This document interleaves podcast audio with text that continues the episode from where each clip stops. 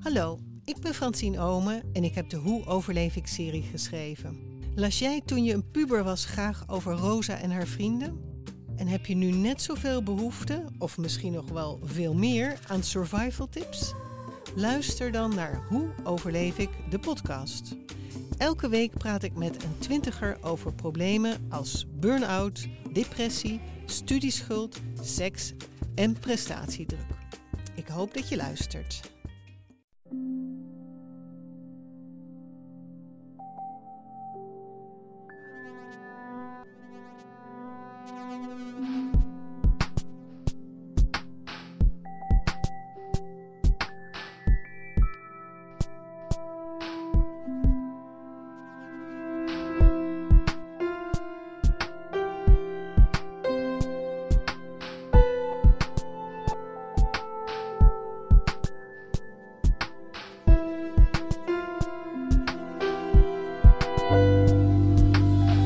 Welkom bij Relaas, waar je een verhaal hoort verteld door iemand die het zelf heeft meegemaakt. Deze keer luisteren we naar het verhaal van Martijn Vreken. Dat is een ultra-runner, iemand die er plezier in heeft om meer dan 100 kilometer na elkaar gewoon te lopen met enkels en benen.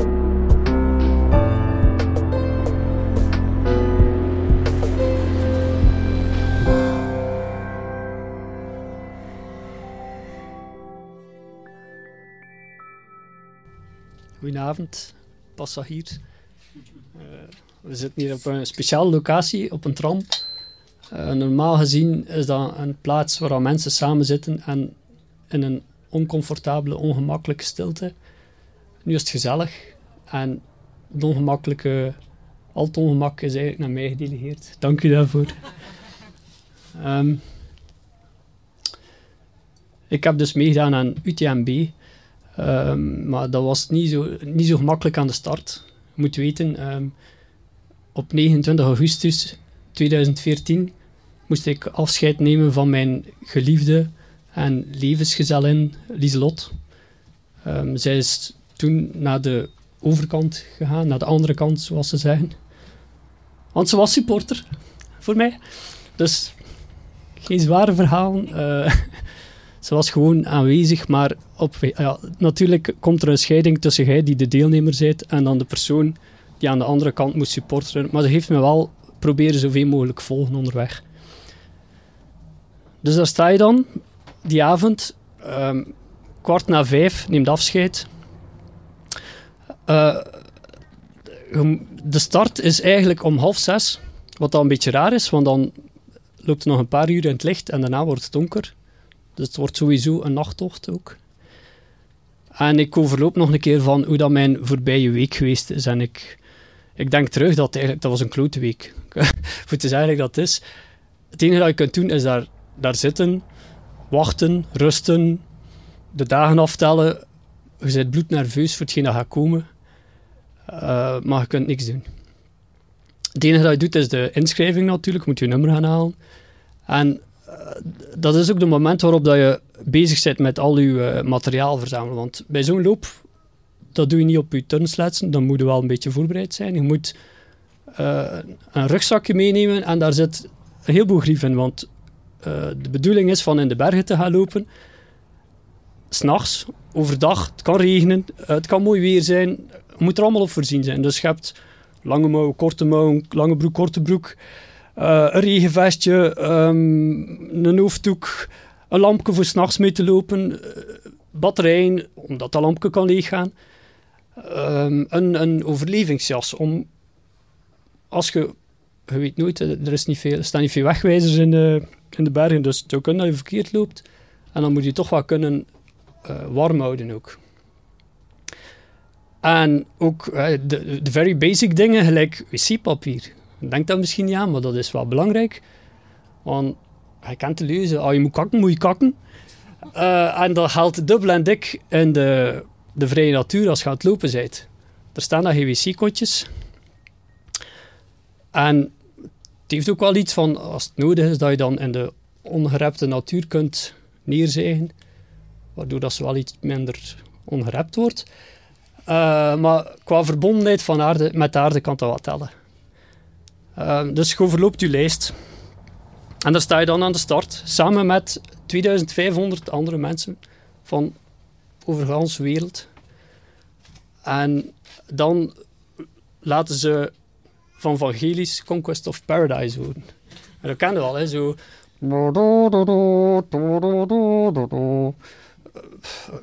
Mega bombastisch, voor van te kotsen bijna, normaal gezien. Maar op zo'n moment staat er daar met al die mensen. En ik stond zo juist op een klein trapje, dus ik heb helemaal het overzicht over die massa. En je beseft waar je een half jaar naartoe gewerkt hebt, hoe hard dat je daarvoor gewerkt hebt. Alles komt samen op dat één punt in die start en je denkt, ja, dat is het gewoon. Hè. Dat is, nu gaat het gebeuren en je krijgt kiekenval en zo wat waterroosjes.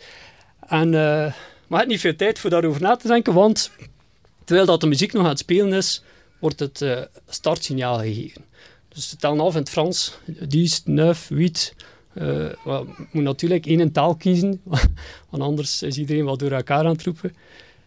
En dan 2, 1, 0. En dan denkt je dat iedereen daar naar voren stormt, maar dat valt nog wel wat tegen, want je zit met 2500 man en smalle straatjes. Dus je begint zo heel langzaam. Links en rechts staat dat vol met supporters die dol enthousiast zijn en u toeroepen van oh, hoe fantastisch dat wel is wat je doet en, en proficiat. En ik denk van, gasten, ja, kijk, ik heb nog niets gedaan. Ik juist beginnen bewegen. Ik heb nog niets bewezen.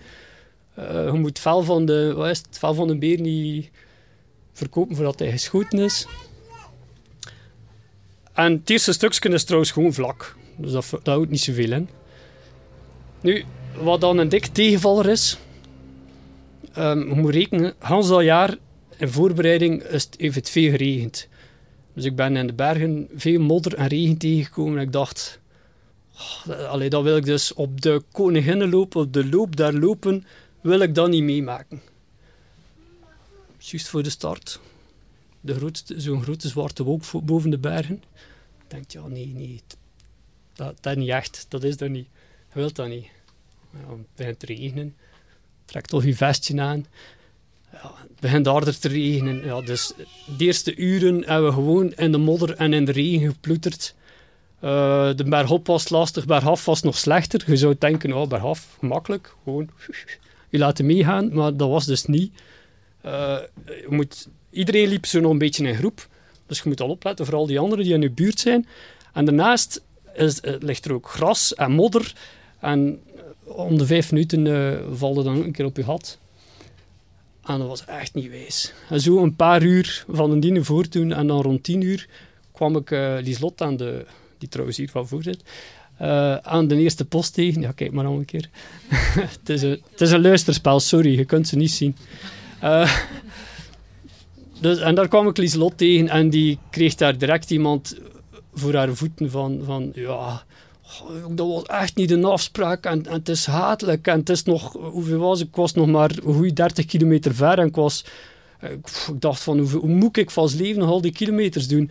En, en dat was niet een afspraak dat het ging regenen. En, en kwaad op, op de wereld, ik weet niet wat. En zij is zwaar onder de indruk ondertussen. Uh, en ja, ik haar zo wat verward achterlaten, maar dat wist ik toen niet.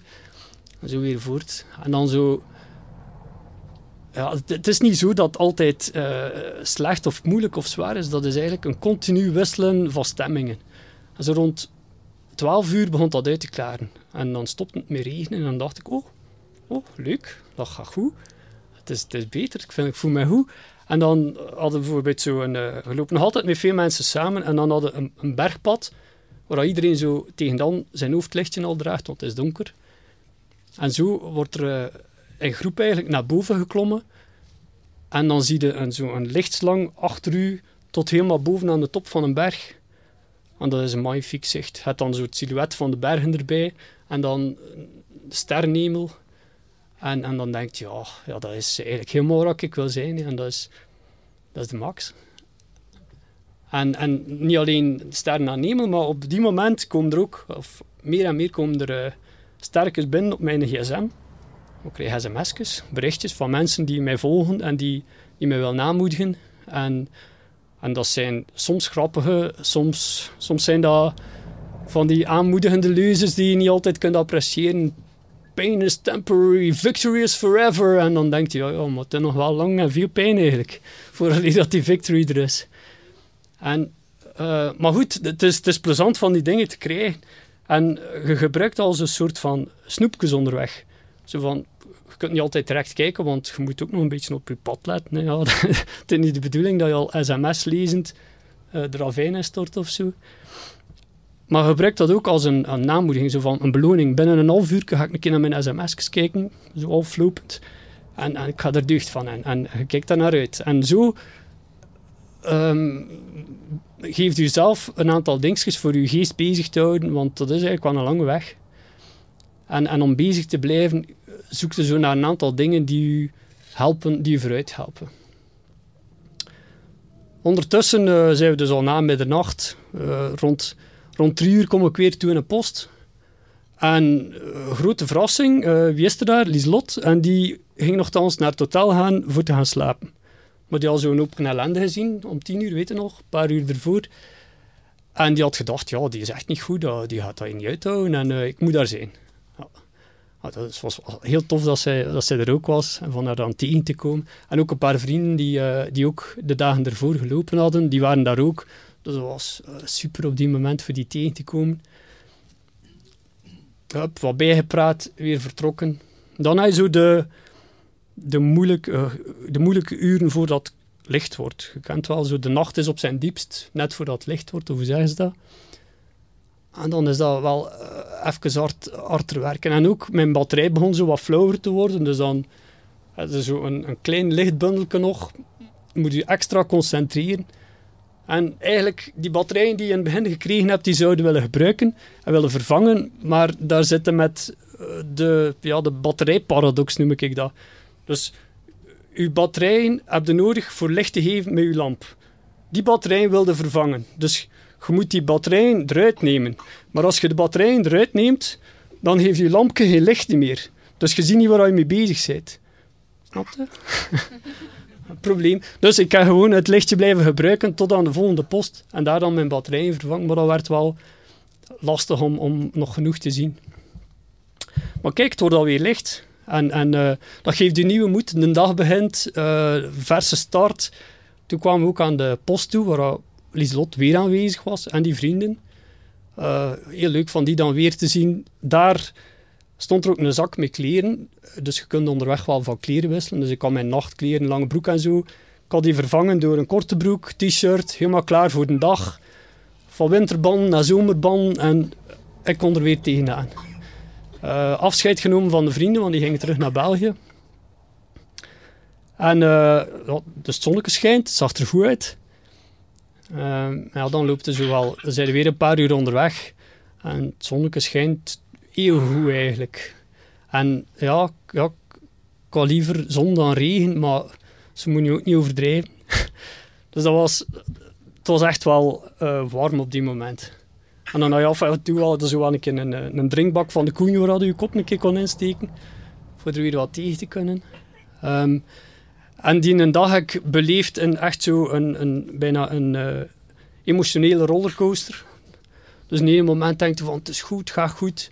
Een ander moment zie je een landschap waarvan dat je normaal gezien zou het voor tekenen voor dan een te zien. En nu kijk je dan en denkt je ja, ja, op een ander moment zou ik dat vries goed vinden, maar het kan mij niet schelen. of dan de, de afdalingen die... Uh, normaal gezien zo'n afdaling, dat is vind ik een van de leukste dingen aan een trail. Dan, het is gelijk dat je, je lichaam helemaal weet wat het moet doen. En dat je alleen maar moet kijken wat je aan het doen zit. Dus je voeten die weten vanzelf op welke steen dat ze, van, van welke steen naar welke steen ze zich moeten verplaatsen. En, en je moet daar niet eens over nadenken. Dat gaat vanzelf en dat gaat super. En dat, heeft, dat geeft je snelheid en dat is, een, dat is een focus en een flow die je dan ontdekt die, die je niet wist dat je had. Maar dat was het nu niet. Want de benen waren moe. En de voeten deden zeer. En ik zag al die andere mensen mij passeren, gelijk dat ik het zou willen. Maar ik kon dat niet opbrengen, dat ging niet. En dan, dan krijgen ze wel weer een tekstje van... Ja, het, gaat, het gaat niet goed en, en ben ik nog wel goed bezig. En, en ga, ik dat je wel, ga ik dat wel uithouden en zo. Toen mij denken aan de reden waarom dat eigenlijk aan zoiets begint. Maar op zo'n momenten vraag je ook af, waarom begin ik daar nu eigenlijk aan? Al die goede redenen die je dacht, verdwijnen zo wel een beetje van. Wat heeft er mij, gelijk dat in de inleiding gezegd werd, wel bezielt er u van daaraan deel te nemen? Ja, dat denkt je dan zelf ook, maar je moet wel voortdoen. En eh, normaal gezien is een van de redenen, ehm, dat, je kent allemaal zo die, die tekening van die, die een ballon, en daar staat ingeschreven comfort zone. En dan daarbuiten heb je dan een sterke en dan een pijl er naartoe, where the magic happens. Dus het wijze is allemaal daar. En comfortzone, dat is waar wat saai is en wat routine is enzovoort. Wat ons er niet bij zeggen, dat is dat er buiten dat sterke en in een ballon daar rond heel veel ruimte is dat nog niet ingevuld is, maar dat is discomfort. Niet aangenaam. Dat is daar. En, en ze doen alleen maar de sterkes. En dat discomfort, dat uit zich dan op die momenten in heel vermoeide been. Je lichaam die zegt, ik wil eigenlijk stoppen, laat me met rust. Uh, hoe is dat nodig? En je geest die daar eigenlijk moet tegen vechten om door te gaan. Dus al die gedachten, je laat het allemaal passeren, maar toch moet je doordoen. En dan is er weer een moment dat het wat beter gaat en dat je geniet. En dat wisselt elkaar af. Dat is een heel, heel raar gebeuren uiteindelijk. Nog een andere reden waarom dat ik dat doe, ik steek dat niet weg. Dat is omdat, omdat je zo in je leven wel een keer iets wil doen dat, dat bigger than life is. Zo, weet je wel, iets dat, waarvan je zegt, dat ga ik nooit niet kunnen, maar ik ga het toch een keer proberen. En, en om, om zo'n keer je eigen held te zijn in je eigen leven. Ik, vermoed dan een, een psycholoog dat wel een dikke kleur van heeft, voor dat uit te leggen wat dat, dat dan juist is. Uh, maar ik ga er mij niet mee bezig ik doe dat dan, of probeer dat dan te doen. Um, dus ondertussen zijn we al in de vooravond. Zit ik weer in een dip. Er bestaat nog ergens een filmpje die Lieslot toen opgenomen heeft. Zo van, die was mij dan enthousiast aan het filmen als ik toekwam op mijn post. En ik ben zo met mijn hand aan het zwieren van laat me met rust. En het gaat echt niet meer. En het, ik doe dat nooit meer. Nooit meer. Ik beloof dat. Ik doe dat nooit meer. En, en ik, ja, ik zweer het. Ja, echt waar. Ja, dus dat staat op, op film. Jammer genoeg. Uh, maar en dan tegen, tegen de avond zijn we weer aan, op een punt beland waar ze warm eten serveren. Dus, dus waar je gewoon spaghetti kunt eten. Oh, dat, en dat doet deugd. En je kunt ook weer je kleren wisselen, dan weer wat dikkere kleren aandoen voor de nacht. En die slot was er ook weer. En een beetje bijpraten en wat ik allemaal tegengekomen ben onderweg en hoe wijs dat is en de spaghetti smaakt. En het is warm in de tent. En ik denk, ja, dat is hier die comfortballon en dat voelt eigenlijk wel goed. En ik, ik wil hier blijven, denk ik gelijk. Totdat die slot mij een schop geeft. Hij zegt, kom, we moeten nog, uh, je moet nog wel afstand afleggen. Het is de bedoeling dat je dat hier afwerkt. Ja, het is waar, ja.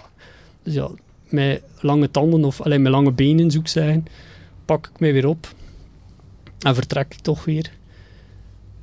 En dan, uh, het is niet evident van dan weer zo de, de duisternis tegemoet te gaan en eigenlijk de tweede nacht te moeten beginnen. Je weet al wat dat is van s'nachts te lopen. Deels is dat plezant, zo een beetje een hypnose, zo moet dat lichtstraken vormen, volgen, maar, maar er is er ook wel een limiet op, op hoeveel uur je dat kunt, zonder zo wat raar te beginnen doen. En, uh, maar er zijn nog drie bergtoppen te beklimmen eigenlijk dan. Of te bestappen en af te dalen. En dan kun je denken, oké, drie keer een kwartier, dat is ongeveer... Nee, nee. Er zijn twee uur onderweg naar boven of zo. Hè. Dus dat, dat is echt nog wel lang. Maar onderweg ergens kom ik daar een deen tegen. Uh, Heine noemt hij. nu, ik ben veel mensen tegengekomen onderweg, maar de momenten waarop dat zo echt dezelfde snelheid loopt met iemand en hetzelfde tempo volgt, dat is heel zelden. Dus dat zijn gespreksjes die je voert van twee minuten of zo en dan is die weer weg. En zeker met mijn afdalen dat niet goed ging. Maar die mensen bleven in mijn buurt. Oh, dat was een nieuwe ervaring, tof. En u begint te praten. Ja, moeilijk, hè? ja, het is lastig. Oh, ja, afzien, ja, ja. Maar ook, ja, weet je, je moet dat gewoon uitdoen. Want als je dat niet uitdoet, dan, dan blijft je dat al zijn leven achtervolgen. En dan moet je volgend jaar hier weer komen. Ja, nee, dat wil ik niet. Dus, dus ja, je wilt gewoon dat uitlopen. Maar je, je moedigt elkaar aan. En vertelt over wat er allemaal gebeurd is en over je leven. En, en zo klimde weer naar de, de top van de, de volgende kool. Een kool noemen ze dat in het Frans, zo'n bergtop. Dus je klimt naar de volgende kool. En je bent aan het vertellen en je weet niet wat dat, dat, dat een tijd aan het passeren is. En, en dat is eigenlijk super comfortabel. En dat is een, een nieuwe ervaring op die moment en dat geeft echt energie. En, uh, dus ik daal af, kom weer aan de volgende post. Lieslot is daar ook, maar het is van ja, ik heb een loopmaat gevonden.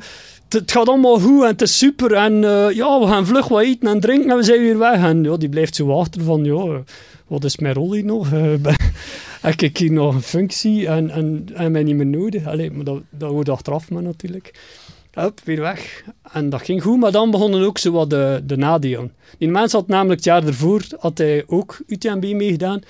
En die gaf een indruk van over terreinkennis te beschikken. Dus die, die ging naar boven en zei: Oh, maar we zitten al zo ver. Ik herken die bomen. We zitten bijna aan de top. Ja, en dan nog een kwartier verder.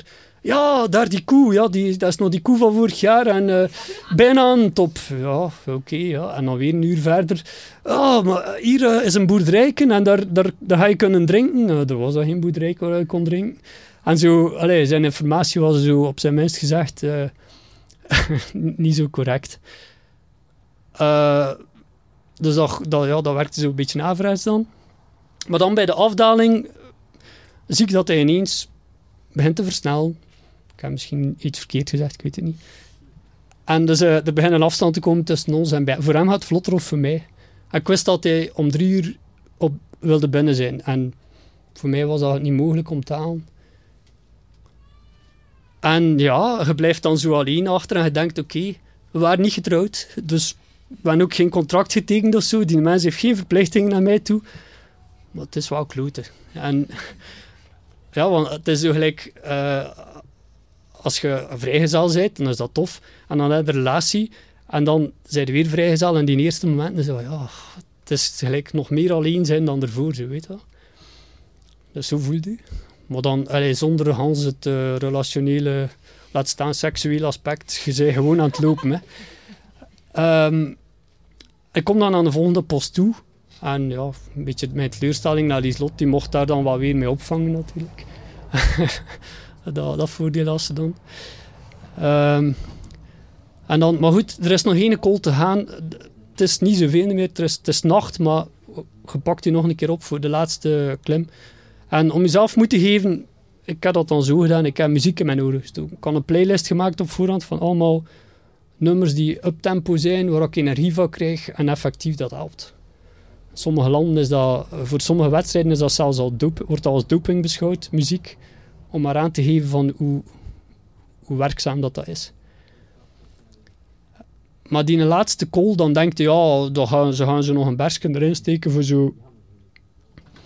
voor afscheid te nemen eigenlijk. Hè.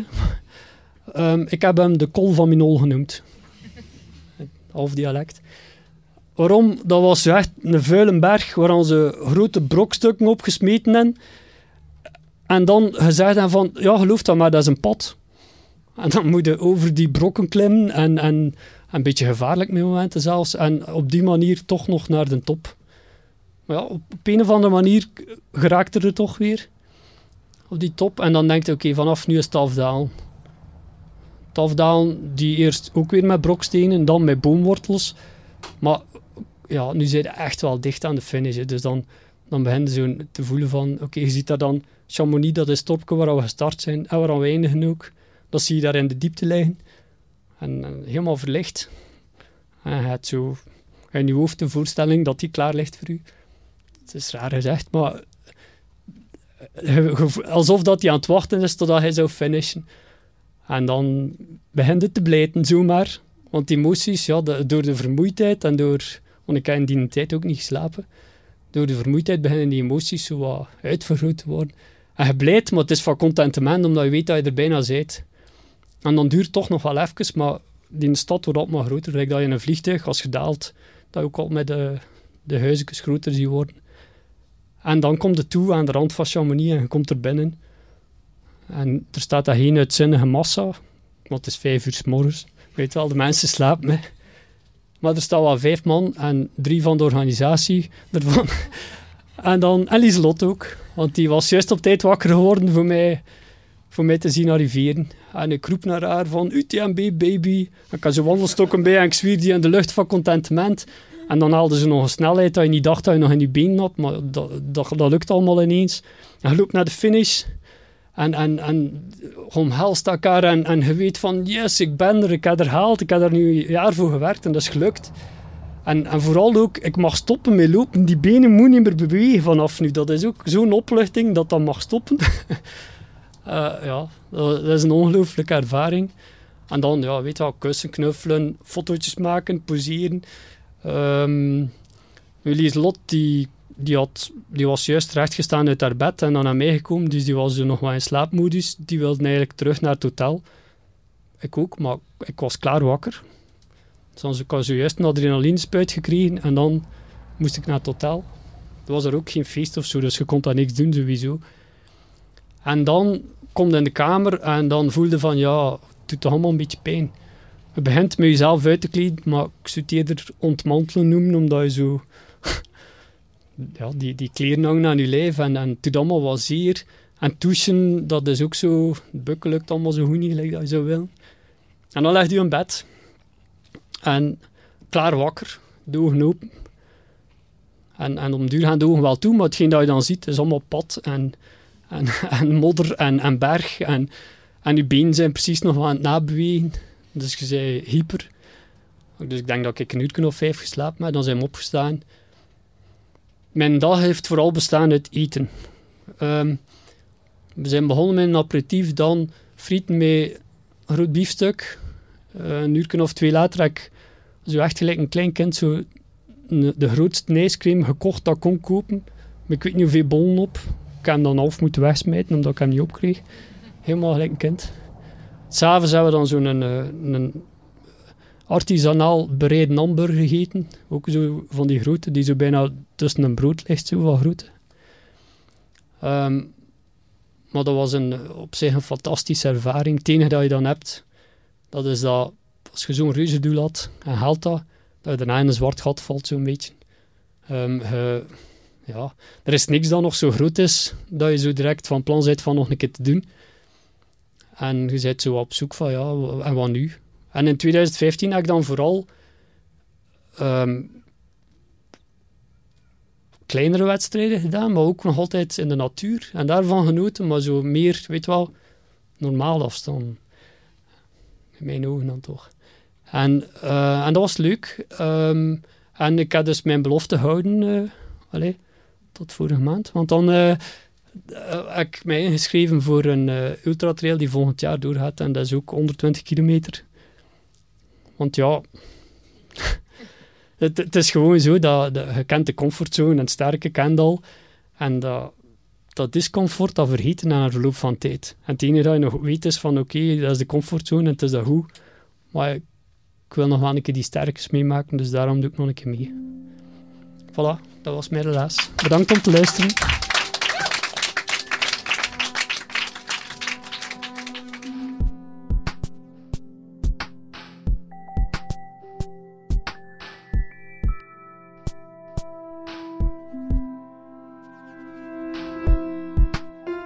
Dat was het relaas van ultrarunner Martijn Vreken. Hij vertelde het, ergens in november, in de tram van onze vrienden van Early Birds op de Kouter in Gent. Samen met 25 luisteraars die stilzwijgend op de zitjes zaten te genieten van de vermoeiende tocht van Martijn. Ik herinner mij nog vooral zijn vriendin, die helemaal vooraan in de tram zat met glanzende ogen te kijken. Het was iets tussen ontzag en grenzeloze liefde in. Heel mooi was dat. Heb je zelf een bijzonder verhaal? Wil je iemand tippen die een goed verhaal heeft? Of wil je er graag zelf ook eens live bij zijn als de verhalen verteld worden? Surf dan naar www.relaas.be en je komt er alles te weten over ons, over de vertelavonden en over de podcast. Relaas kwam tot stand Relaas kwam er dankzij de steun van Urgent FM, Stad Gent en het REC Radiocentrum. Onze crew, Dieter van Huffel, Timon van de Voorde, Sarah Latré, Sarah Smet, Evert Savers, Valerie Schreurs, Philip Cox, Charlotte Huigen, Marlie Michels, Rick Merci, Anne van den Abelen, Marie van de Kerkhoven en ikzelf, Pieter Blomme. Like ons op Facebook, relaas intypen bovenaan. Je kan je abonneren op onze podcast via Soundcloud of iTunes. Je kan ons waarderen op iTunes, een comment achterlaten. Op die manier komt onze podcast hoger in de ranking. En als je ons een ranking geeft, zet er dan ook een beetje tekst bij. Dan lees ik dat live voor op de radio. En dan noem ik je naam, als dat geen uh, mooie incentive is. Bedankt om te luisteren. En onthoud Martijn's woorden over de comfortzone en over de magie. Uh, en dat er ook zoiets is als de discomfortzone. Maar laat je vooral je plezier niet vergallen als je de volgende keer iets extreems doet. Want je weet, de high achteraf is nog eens zo groot als je eerst door die discomfortzone moet.